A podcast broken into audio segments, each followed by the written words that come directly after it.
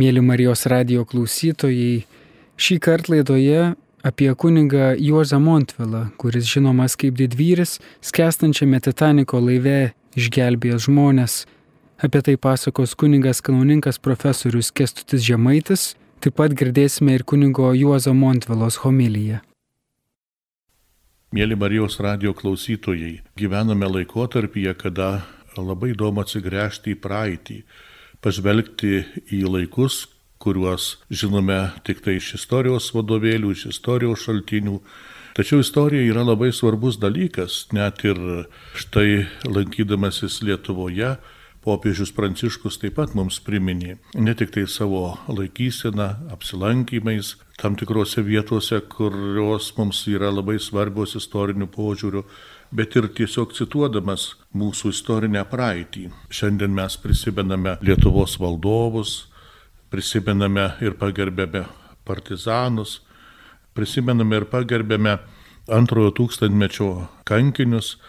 Ne visus juos gerai mes pažįstame ir kartais ypatingos asmenybės naina vos ne į istorijos tokią užmarštį.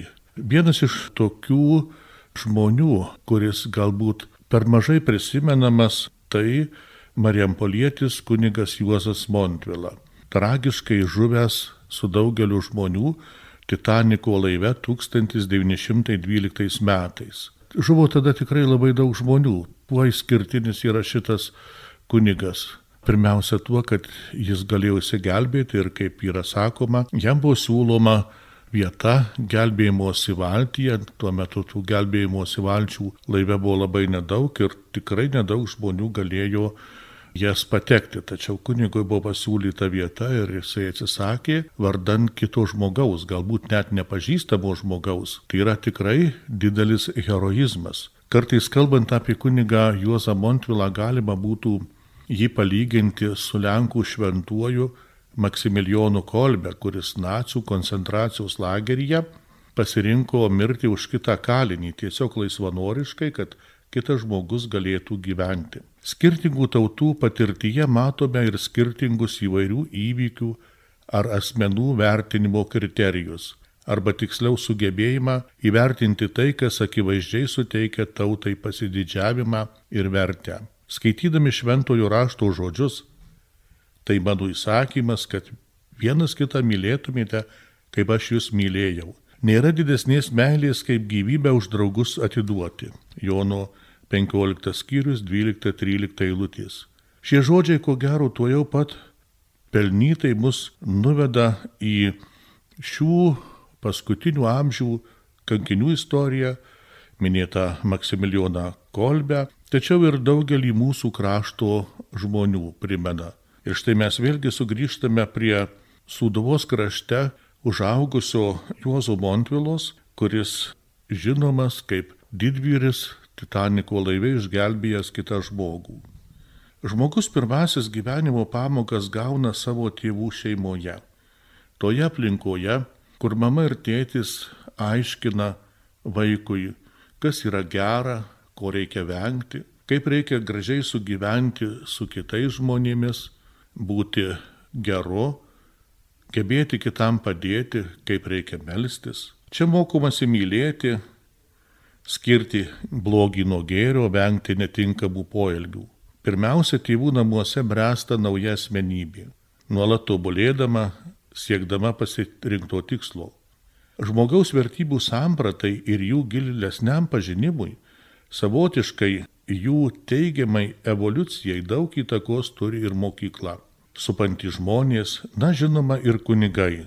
O jeigu žmogus pasuka į kunigų seminariją, tai čia dirbantis kunigai, dvasios vadovai. Ir čia bręsta, visapusiškai bręsta asmenybė. Kunigas Jonas Zasmontvila gimė 1885 metais Nendriniškių kaime Marijampolės parapijoje Kazio ir Magdalenos Montvilų šeimoje.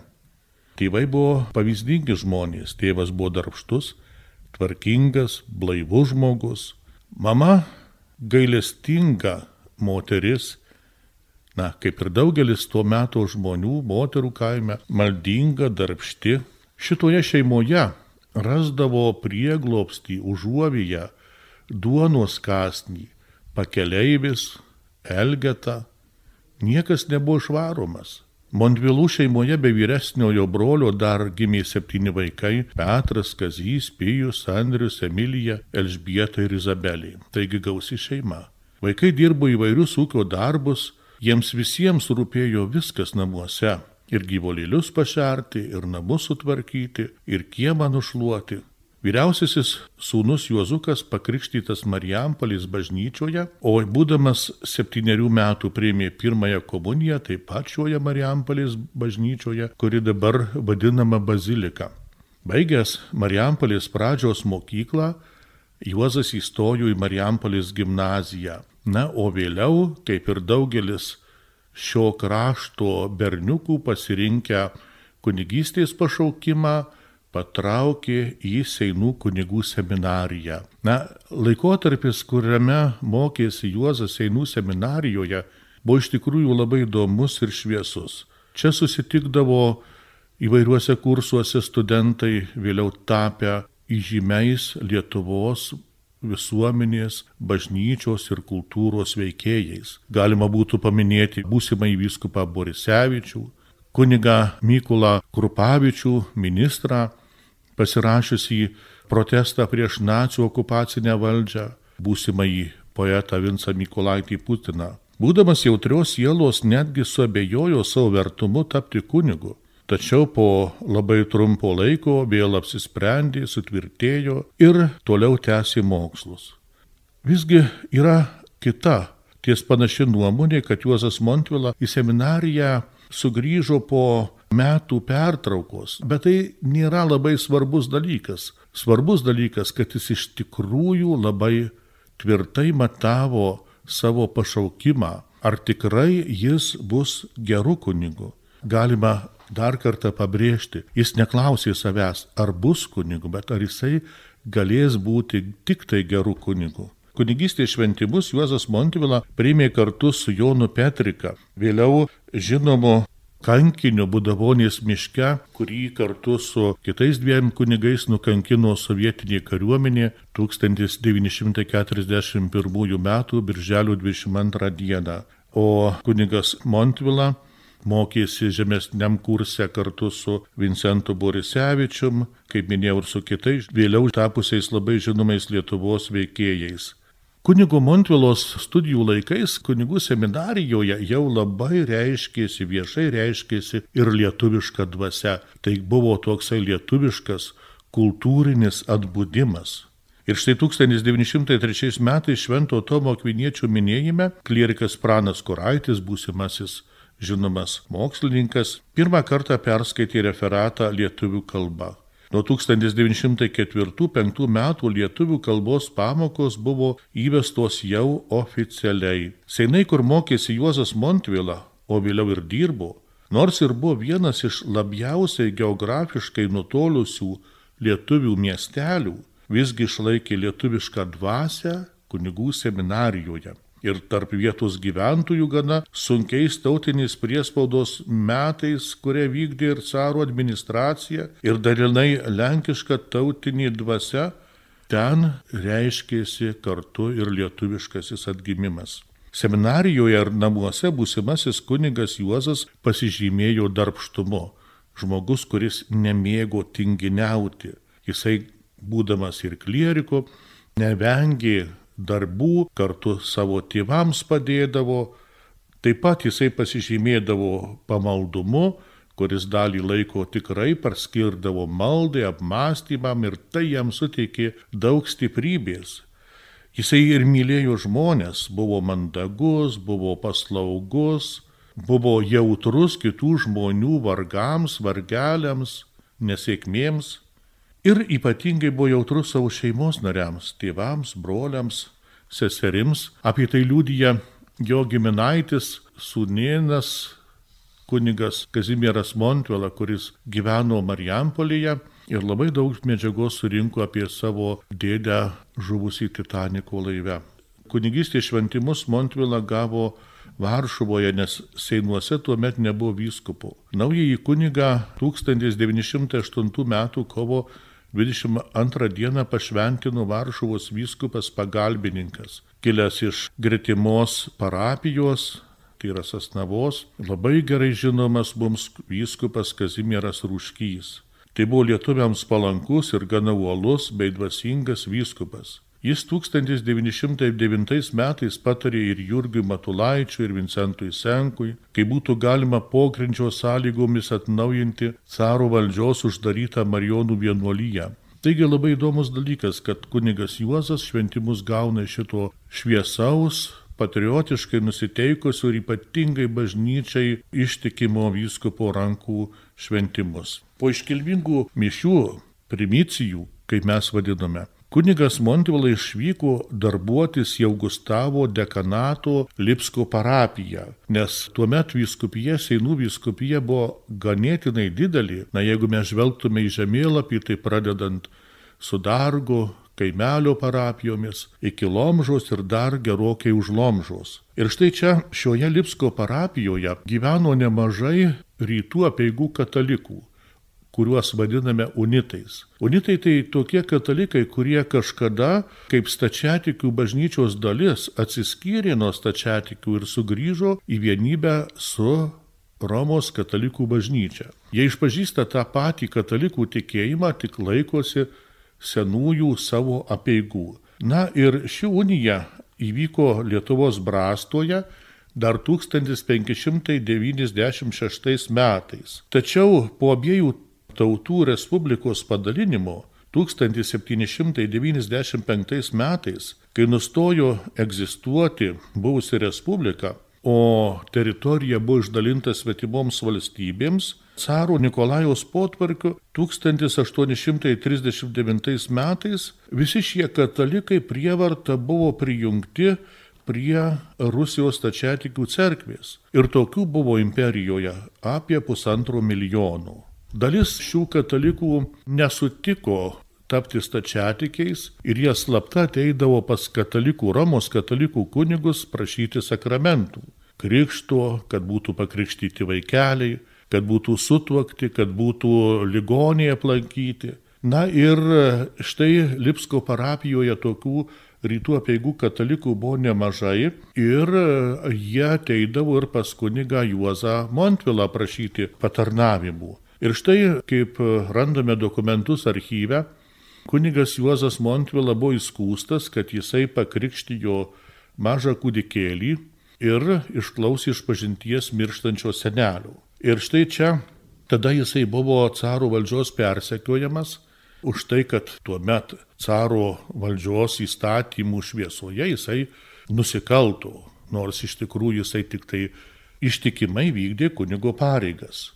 Na ir tada kunigas Juozas Montvila buvo iškeltas iš Lipsko parapijos, atkeltas į Liubavo parapiją ir čia kurį laiką ramiai dirbo, kol vėl nebuvo atpažintas. Ir štai čia įskundus, kad štai Liubavė dirba kunigas, kuris kažkada tai nusikalto caro valdžiai, nes patarnavo rytų apieigų katalikams, vėlgi turėjo trauktis iš Liubavo, nes jam buvo pradėta baudžiamoji byla ir apsigyveno Seinuose.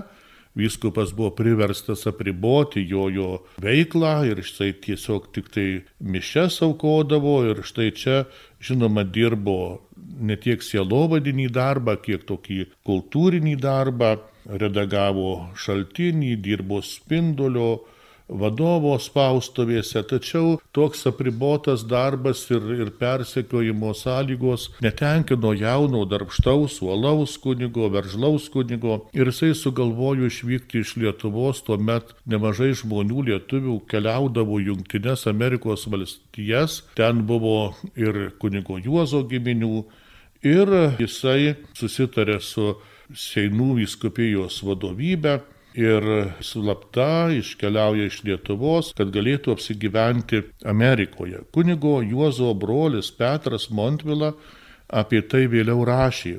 Taip, 1911 m. gale jis visai pasirengė. Broliui Petrui į Brukliną parašė atviruką, kurį jis gavo 1912 m. sausio 1 dieną. Atvirukė rašo, kad už dviejų, trijų savaičių žada būti Londone pas kunigą Matulaitį, o iš ten jau stačiai pas jį keliaus. Nežinia, kaip jis keliavo iš Seinų, kur perėjo sieną, pasinaudojo agentais, kurie žmonės vedė per sieną ir pasiuntė toliau. Ten paprastai perdodavo kitiems agentams, kurie emigrantą įstatydavo į tikrą kelią, Paprastai visiems teko pervažiuoti Berliną. Nežinia, kokiu keliu keliavo kunigas Juozas. Greičiausiai jis iš Hamburgo iškeliavo laivu į Angliją, į Londoną. Ten keliavo ir jo brolis Petras. Štai tokia yra citata. Londone gyvenantis ir dirbantis minėtasis kunigas Matulaitis bandė perkalbėti savo svečią, kad jis pasiliktų čia ilgesniam laikui. Visgi kunigas Montvil apsisprendė nelaukti, bet išplaukti šiuo pirmuoju Titaniko maršrutu. Tai vertė dvi priežastys. Pirmiausia, jam rūpėjo mirusio dėdės reikalai, ten galbūt kažkokie teisiniai dalykai ir pats darbas pramatytoje parapijoje. Čia galėtų kilti klausimas, koksgi buvo tikrasis kunigo Montvilos išvykimo tikslas. Ir jeigu nebaudžiamasis persekiojimas dėl patarnavimo unitams ir vyskupo suvaržytas jo darbas, gali būti įtarimas, kad tai buvo asmeniniai tikslai, jais pagrįsta kelionė. Štai reikia sutvarkyti kažkokius mirusio dėdės juridinius dalykus. Tačiau žinant pavojų, kuris jam kilo dėl carų valdžios ir stačiatikių administracijos persekiojimų, labai aiškiai mums apibrėžia jo tikrąjį kelionės tikslą išvykti iš Lietuvos, kuriam laikui patarnauti Amerikoje gyvenantiems lietuviams ir po kurio laiko grįžti ir vėl čia pilnavertiškai įsijungti į sielovadinį darbą. Asmeniniai reikalai galėjo būti tik tai kažkoks tai papildomas tikslas ir štai pagrinde, kaip persekiojamas kunigas, jisai sėda į Titaniko laivą. 1912 m. balandžio 10 d. Titanikas turėjo išplaukti. Na žinoma, tai buvo ypatinga šventiška nuotaika ir dėl to įvykio, ir dėl to ypatingo laivo, kuris tuo metu atrodė vienintelis, nesudūštamas, neskestamas. Į uostą skubėjo žmonės, kurie buvo keleiviai, į uostą skubėjo ir žiūrovai, kurie norėjo būti istorinio įvykio, pirmojo Titaniko išplaukimo iš uosto liudininkai. Laivo kapitonas turėjo taip pat dar vieną tikslą, ne vien tik tai, kad perplaukti vandenyną, bet kuo greičiau perplaukti Atlantą ir pagal paprotį, tuo metu paprotį, gauti mėlyną į Kaspiną greičiausios kelionės pripažinimą. Žinoma, buvo įvairūs spėliojimai, perspėjimai, kad kelyje yra kliūtis, dideli lietkalniai, niekam nedarė didelio įspūdžio. Visi buvo įsitikinę, kad tokio laivo galybei niekas negali paprieštarauti, niekas negali sutrukdyti. Na, išgirdę pavojaus signalą, prie vairo būdėję karininkai kitame laive jau nebesuspėjo gelbėti žmonių Titaniko laive, kada Titanikas jau skendo. Ir štai susidūrus laivui, su Lietkalniu daugeliu kilo nerimas, kas bus. Ir tuoj pat tas nerimas virtų didelę tragediją. Matė, kad išsigelbėjimo nėra, kad valtelių yra tik tai porą dešimčių, kad žmonės tiesiog krenta į šaltas vandenino bangas, vieni dar bando į kažkokius iškritusius daiktus įsitverti, kiti tiesiog paskesta. Ir kunigui Montvilai, sakoma, buvo siūloma valtelė Ir štai kiekvienas turbūt šiandien galėtume pagalvoti, ką aš būčiau padaręs tokiu atveju, kaip aš būčiau pasielgęs, nes mirti, ypatingai jaunam žmogui, Montvila neturėjau net 30 metų, jaunas, norintis gyventi kaip ir kiekvienas žmogus, galėjau rinktis gyvenimą, bet jisai pasirinko gyvenimą po gyvenimo, savo gyvenimą atiduodamas kitam žmogui. Kunigo Juozo Montvilos brolis, surinkęs labai daug liūdėjimų apie šitą tragediją, rašo, kapitonas padarė dramatiškiausią sprendimą. Įsakė į laivelius susodinti tik moteris ir vaikus. Čia buvo giliai tragiškų ir jaudinančių momentų, kai žmonos turėjo atsiskirti nuo savo vyrų, kitos pasiliko draugė su vyrais, kad draugė sutiktų bendrą likimą. Ką daryti? Šis klausimas kilo ir laive buvusiems trims kunigams, ne tik Montvilai. Pradžioje jie teikė sakramentus laive pasiliekantiems keleiviams, juos laimino ir guodė kunigams pasiūloma galimybė įsigelbėti, jiems skiriamos vietos gelbėjimuose valtyje. Savo brolio Amerikoje nesulaukęs Petras Montvila apklausinėjau daugelį įsigelbėjusių žmonių kaip liudininkų, kurie vėliau išlipo iš kito laivo Amerikoje. Ir štai ką jisai rašo.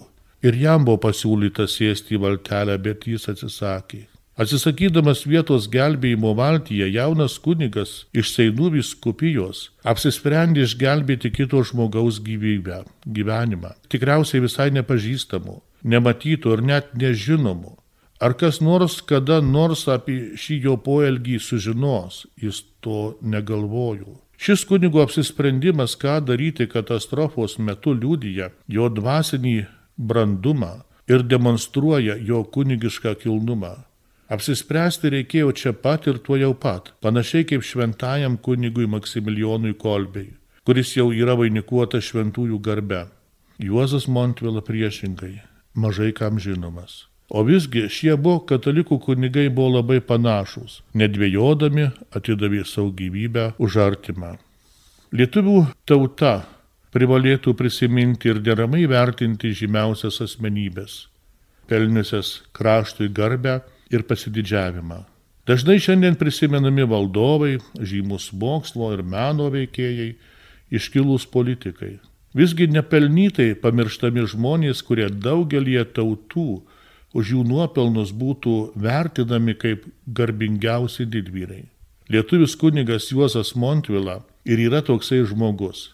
Jis užaugęs netoli Marijampolės, mokėsi Seinų kunigų seminarijoje, caro valdžios persekiotas už patarnavimus rytų apieigų katalikams, buvo priverstas palikti savo kraštą, savo tėvynę, savo tėviškę, žuvo garsiajame Titaniko laive, gelbėdamas kitą žmogų. Taigi jis yra viena iškiliausių asmenybių mūsų Lietuvos istorijoje. O ar yra žinoma kokiu nors jo paliktų laiškų, kokiu nors dokumentų iš jo gyvenimo? Na, žinote, jisai buvo gana dar jaunas ir yra tik tai jo, sakykime, darbai, tai yra redaguoti žurnalai. Daugelį raštų jisai vežėsi su savimi. Ir štai knygų, e, rankraščių rinkinį, kurį norėjo išleisti, dainų rinkinį Amerikoje. Ir visa tai žuvo, nuskendo, todėl kažkokiu tai ypatingų laiškų, darbų ar, ar veikalų nėra žinoma. Kaip ten kiti kunigai, kurie keliavo kartu, koks jų likimas, jie irgi taip pasirinko tą, tą pačią dalę kaip ir kunigas Montvila. Tikrai taip, tai buvo dar du kunigai, vienas britas, vienas vokietis ir jie taip pat atsisakė savo galimybės išsigelbėti ir iš tikrųjų jie savo kraštuose žymiai daugiau pagerbti ir žinomi.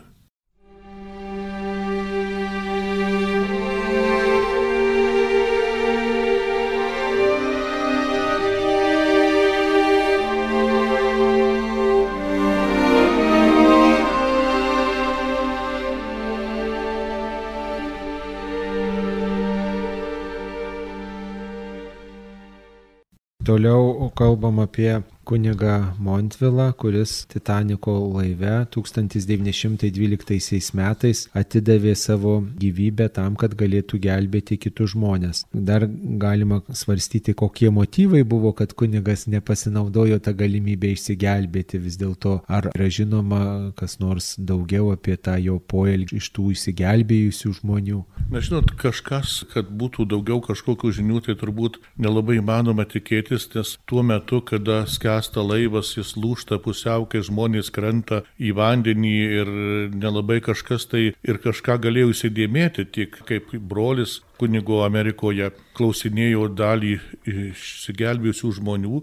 Yra faktas, kad kažkas tai liūdėjo, kad jam buvo siūloma gelbėjimosi valtis, bet ką jisai atsakė, kaip jis motivavo, tikrai to dialogo nėra užfiksuota, tik tai vieną dalyką norėčiau pasakyti, kad pagrindinis motyvas tai jo yra toksai heroizmas, kuris, na, galbūt ne iš karto tuo metu atsirado, bet jis buvo subrandintas. Jeigu ne tėvų namuose, kur buvo įskiepytos, išugdytos tos svarbiausios bendražmogiškos vertybės, tai pagarba žmogui, gyvybei, pagarba pagalba kitam žmogui, nevertybės, kurios mokykloje ir seminarijoje, jeigu ne jos būtų išugdytos, na tai tikriausiai žmogus taip nebūtų pasielgęs. Žmogus taip herojiškai pasielgia, kai jisai jau yra iš tikrųjų dažniausiai yra subrendęs jau iš anksčiau. Ir štai čia galėtų būti pavyzdys mūsų laikams, kaip labai svarbu ir, ir vaikystėje, kūdikystėje jau išugdyti tą jauną žmogų, kuriam būtų nesvetimos pirmiausia bendražmogiškos vertybės, kad jisai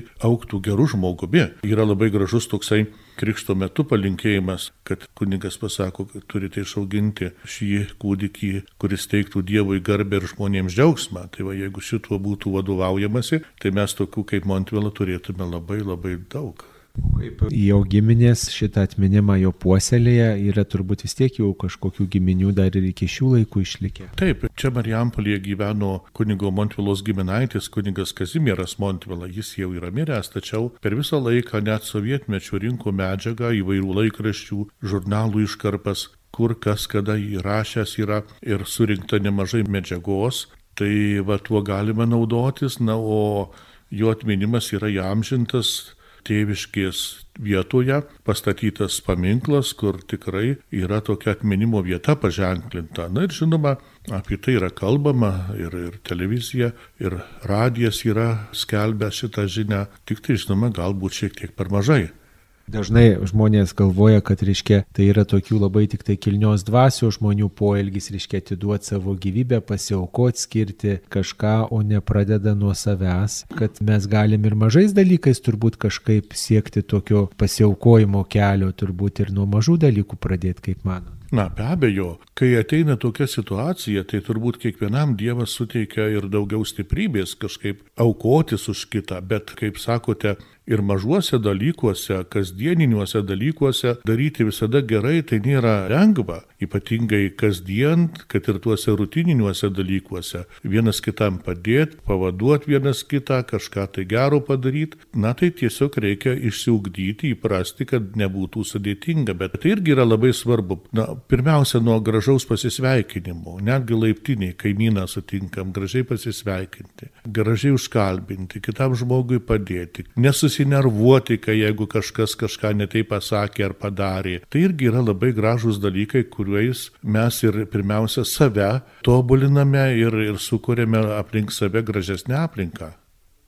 Ačiū kunigui Kestučiui Žemaičiai už tai, kad domisi mūsų tautos šviesuoliais ir kad domisi štai iš suvalkyjos kilusių kunigu ir kuris atidavė savo gyvybę tam, kad galėtų gelbėti kitus. Ačiū Jums. Ačiū.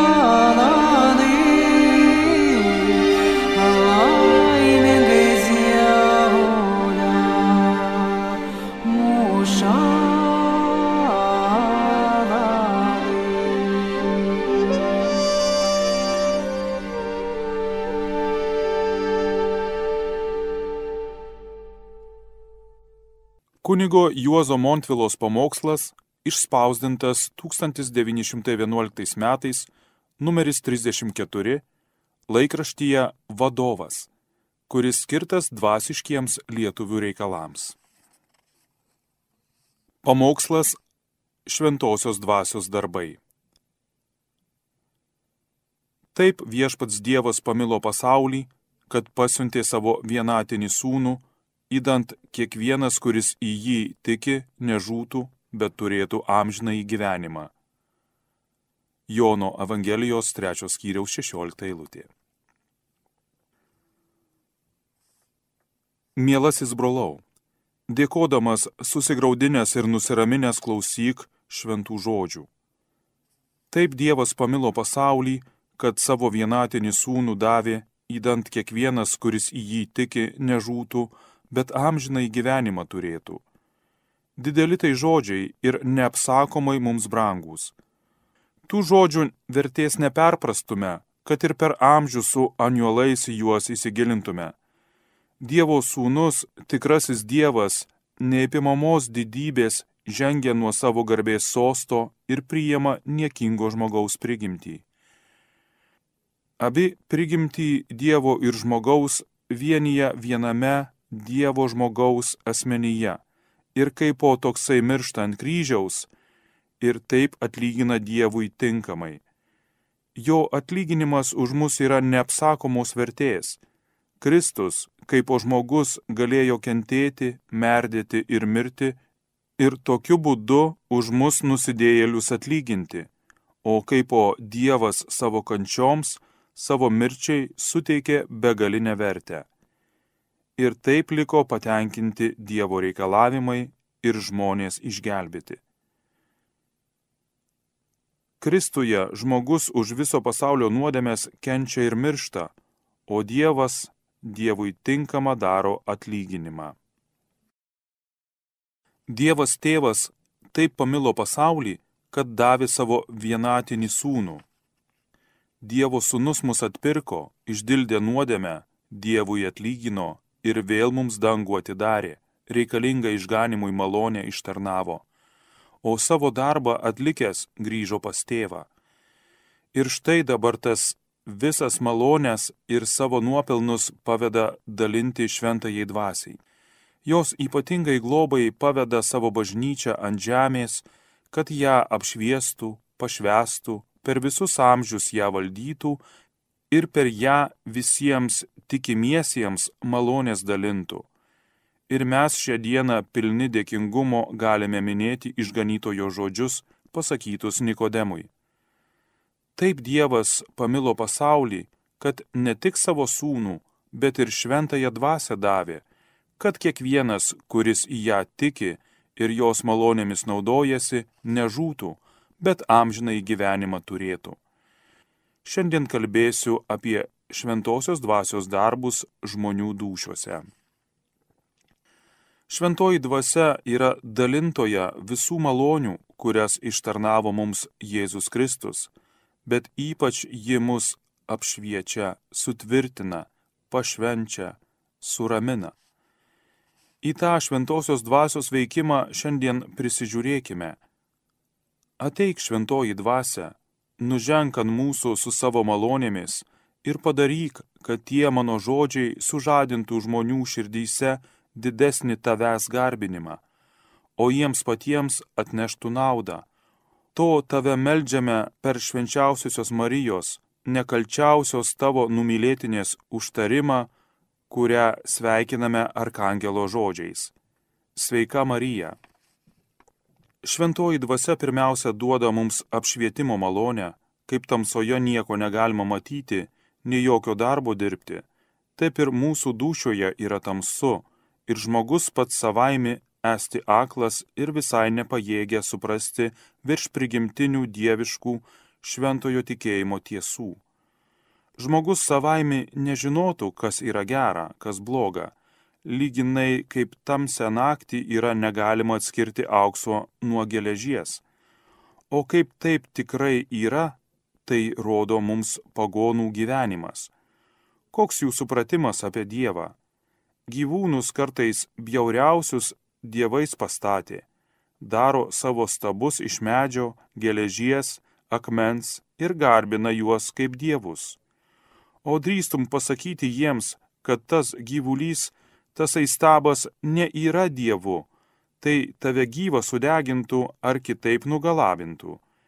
Niekščiausi, nuožmiausi ciesoriai liepia save dievais laikyti, smelkalų save rūkinti, savo aukas daryti, vienas net savo arklį buvo padaręs didžiu valdininku. O jei kas būtų drįsęs išsitarti, kad tasai ciesorius tai paprastas žmogus, kaip kiekvienas mūsų, Tai būtų gyva kapoja ar kailį lupę ar galvą rentę. Bet mieliausieji, kokia pasidarė atmaina jų protuose ir širdyse, jų pažiūrose, papročiuose, kada užputė juos šventosios dvasios malonė, kada ėmė skelbti Jėzaus Kristaus mokslą. Nesunku pasirodė pamesti tūkstančius dievų, o intikėti į vieną dievą trijuose asmenyse. Žmonės nuodėmėse pražilę atsiverčia, atgailauja, lieka šventais. Bet ir mus taip lygiai apšviečia šventoji dvasia. Ji tai daro, kad turime progą pažinti Jėzaus mokslą, kad galime juo tikėti, kad atsimename mūsų tikybos tiesas, ypač tada, kada mūsų užpuola pagundos, kada grėsia pavojus atkristi nuo Dievo. Kiekvienas mūsų pripažys, jog kada rengėsi nusidėti, jautė viduje savęs balsą nedaryk to, nes Dievas regi. Dievo tai draudžiama, tai nuodėmė. Buvo tai šventosios dvasios balsas, kuris dažnai taip primena mums didelės tikėjimo tiesas apie nuodėmės sunkumą, bjaurumą, tiesas apie Dievo šventumą, teisingumą, apie laimę ir bausmes numirus, kad mes su pagundomis noromis kariautume ir mūsų išganimo priešininkus pergalėtume. Ir įvairiomis kalbomis kalba į mus šventoji dvasia.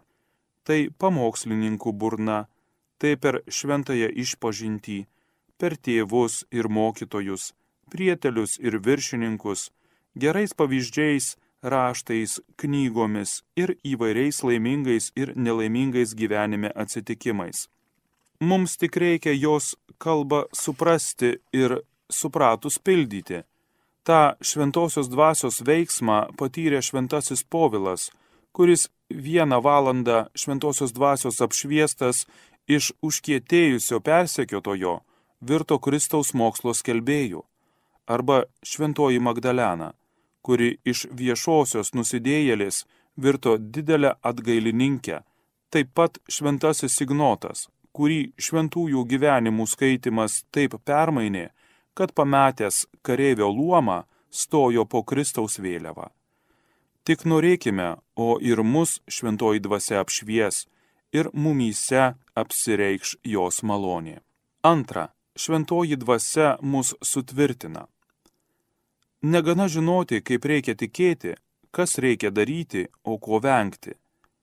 Mes visą tai žinome, o visą to nepaisant, kartais einame keliais, kuriais žinome, kad eiti nereikia. Jaučiame, kad mums būtinai reikia aukštesnės pagalbos. Patys savaimi, taip mus mokina šventoji bažnyčia, esame silpni ir išganimo reikaluose savo pajėgomis nieko nuveikti negalime. Patys jokio gero darbo, turinčio virš prigimtinę vertę, nestengiame nei pradėti, nei toliaus varyti, nei užbaigti lyginai savo pajėgomis neatsispirsime jokiai pagundai, nei tęsėsime gerame. Be manęs nieko negalite, sako išganytojas, o visa galiu tame, kuris mane sutvirtina, sako apie save šventasis povilas. Tas, kuris visą gali ir kuris jam padėjo, yra šventoji dvasia, kurios liko pripildytas, kada po atsivertimui Ananijas uždėjo ant jo rankas. Apaštalų darbų 9 skyrius 17 eilutė. Taip, šventoji dvasia tvirtino pirmuosius krikščionis šventame gyvenime. Lygiai taip ir mūsų dienomis veikia šventoji dvasia žmonių dušiuose. Silpni esame, be aukštesnės pagalbos nieko negalime. Tai tiesa, bet šventoji dvasia sutvirtys mūsų silpnybę savo virš prigimtinę malonę, tada jokia pragaro galybė neįveiks mūsų. Jis užadina mūsų valią į gerą, duoda jai milžino pajėgas, taip, kad ji pajėgia užslopinti smarkiausius geidulius, pagundas. Dar daugiau, šventoji dvasia padaro, kad žmogus pamėgsta dorybę, grožisi jąją, vis nori aukščiau dorybėse iškilti, kad išpildžius Jėzaus Kristaus žodžius. Būkite tobuli, kaip ir jūsų dangiškasis tėvas tobulas yra. Ir štai šventoji dvasia tūkstančius dušių užvedė ant tokių aukštybių, kad užmiršusios visa, kas yra žemiška ir niekindamos tai, jautėsi liuosos nuo visų, kad ir smarkiausių pagundų, net smarkiausios kančios neatplėšė jų nuo viešpaties Dievo. O gal ir mūsų tarpe rastusi daug tokių, kurie ilgus metus gal nedorai nuodėmingai gyveno, bet staiga sužadinti šventosios dvasios apleido kreivuosius kelius, o kad ir pradžioje sunku buvo, visgi pergalėjo pasaulio ir velnio pinklės ir jau neturi kito noro, kaip tik ištikimai Dievui tarnauti lik gyvenimo galui. Tokie tai šventosios dvasios darbai. Taip jinai žmonės sutvirtina.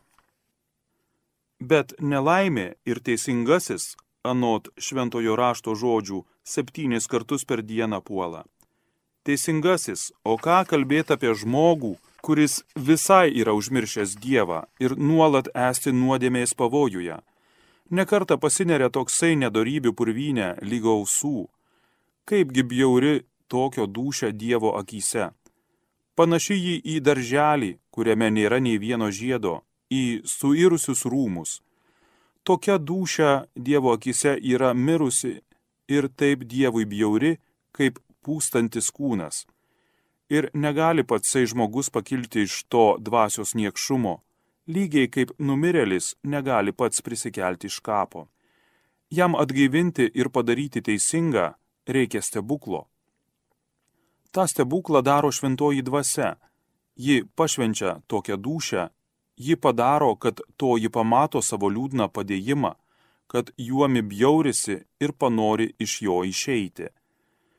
Sukelia tokioje dušoje širdingą gailestį už nuodėmės ir kaltes, sužadina tvirtą norą jų sergėties, toliaus nuveda ją prie klausyklos, kad tenai Jėzaus Kristaus vietininkui išpažintų savo kaltes. Ir štai sykiu su kunigo išrišimu įžengia jon šventoji dvasia ir papuošia ją pašvenčiamąją malonę. Ir toji dušia visiškai kitaip dabar atrodo. Kaip vasaros metu laukai, pilni gražių gėlių ir vaisių, visai nepanašus į žiemos laukus, užklotus gedulingų sniego skraiste. Kaip tvirtas, sveikas žmogus nepanėši į supuvusį kūną, taip ir dušia, kurioje šventoji dvasia apsigyvena, kurią pašvenčia nepanėši į dušę mirtinąją nuodėmę suterštą. Štai per šventąjį krikštą išpylė ant mūsų šventoji dvasia stebuklingą savo malonę ir šventosios atgailos sakramente suteikė ją tikrai atgailaujančiam nusidėjėliui. Ar tai jau mes nesame patyrę tų visų šventosios dvasios malonių? Ar nepridera mums parodyti jai užtat kuo didžiausią dėkingumą. Pagalios šventoji dvasia suramina žmonių dušas, tad ją ir vadiname palinksmintoje. Pirmiausia, ji suramina kasdieniuose kentėjimuose, nuliudimuose. Mūsų gyvenimas yra pilnas nesmagumų nuo pradžios lygi pabaigos. Liūdnas yra mūsų gyvenimo laikas, sako išminties knygos. Ir tikrai, kas mūsų nėra ėjęs ir škiečiais apžėlusio šio gyvenimo keliu, kas suskaitytų tas ašaras, kurias esame išlieję bekeliaudami ant šio žemės. Gal pas žmonės ieškojame suraminimo, bet žmonės arba negalėjo, arba nenorėjo jo duoti. Mieliausiai, tasik tik tai šventoji dvasia tikrai gali mus suraminti. Šventoji dvasia suramina mus ir vidujiniuose nuliudimuose, o tie paprastai sunkesni, inkiresni negu kūno rūpeščiai. Kas jų nėra patyręs? O tos abejojimo mintis, tas dvasios atšalimas, visokie rūpeščiai nekarta verčia mūsų jobų šaukti. Turėjau tuščius mėnesius ir darbo naktis savo skaičiau. Vargšė kančiuose paskendus žmogaus širdis reikalauja suraminimo, kad nenusimintų, vilties nenustotų. O tą ramumą, tą pagalbą suteikia mums šventoji dvasia ir daro tai, kad žmogus pasivedęs Dievo valiai sako su Kristumi Tėve, tegu būna tavo valia. Bet sikiu ir jaučia, kad tikrai tasai jungas, kurį Dievas mums uždeda, yra saldus, o jo našta lengva. Kad žmogus ir neturėtų tų visų vargų, tai yra vienas vargas, kuris nie vieno nelenkia. Priešais mus stoja mirtis, o numirus teismas, o toliaus amžinumą. Kas be baimės žiūrėtų į aną valandą, kurioje nutruks ryšys su šiuo pasauliu, o Dievas pašauks į savo teismą. Kas bus suramintojų aną baisę mirties valandą? Taigi šventoji dvasia. Ji mums palengvys persiskirti su šiuo pasauliu ir su visu, ką mylėjome šiame pasaulyje. Bet savo pamaldumo į šventąją dvasę neatidėliokim lik gyvenimo galui, nes bus per vėlu. Dabar jau ieškokime jos pagalbos tose gyvenimo kovose. Jos malonėmis gaivinkimės, į ją liūdnume ir varge šaukimės, ir ji suramys, sutvirtys mus mirties valandą ir nuves į amžinasias dangaus linksmybės. Amen. Girdėjome pasakojimą apie kunigą Juozą Montvelą, kuris žinomas kaip didvyris, skęstančiame Titaniko laive išgelbėjęs žmonės. Apie tai pasakojo kunigas kanauninkas profesorius Kestutis Žemaitis, taip pat girdėjome ir kunigo Juozo Montvelos homiliją.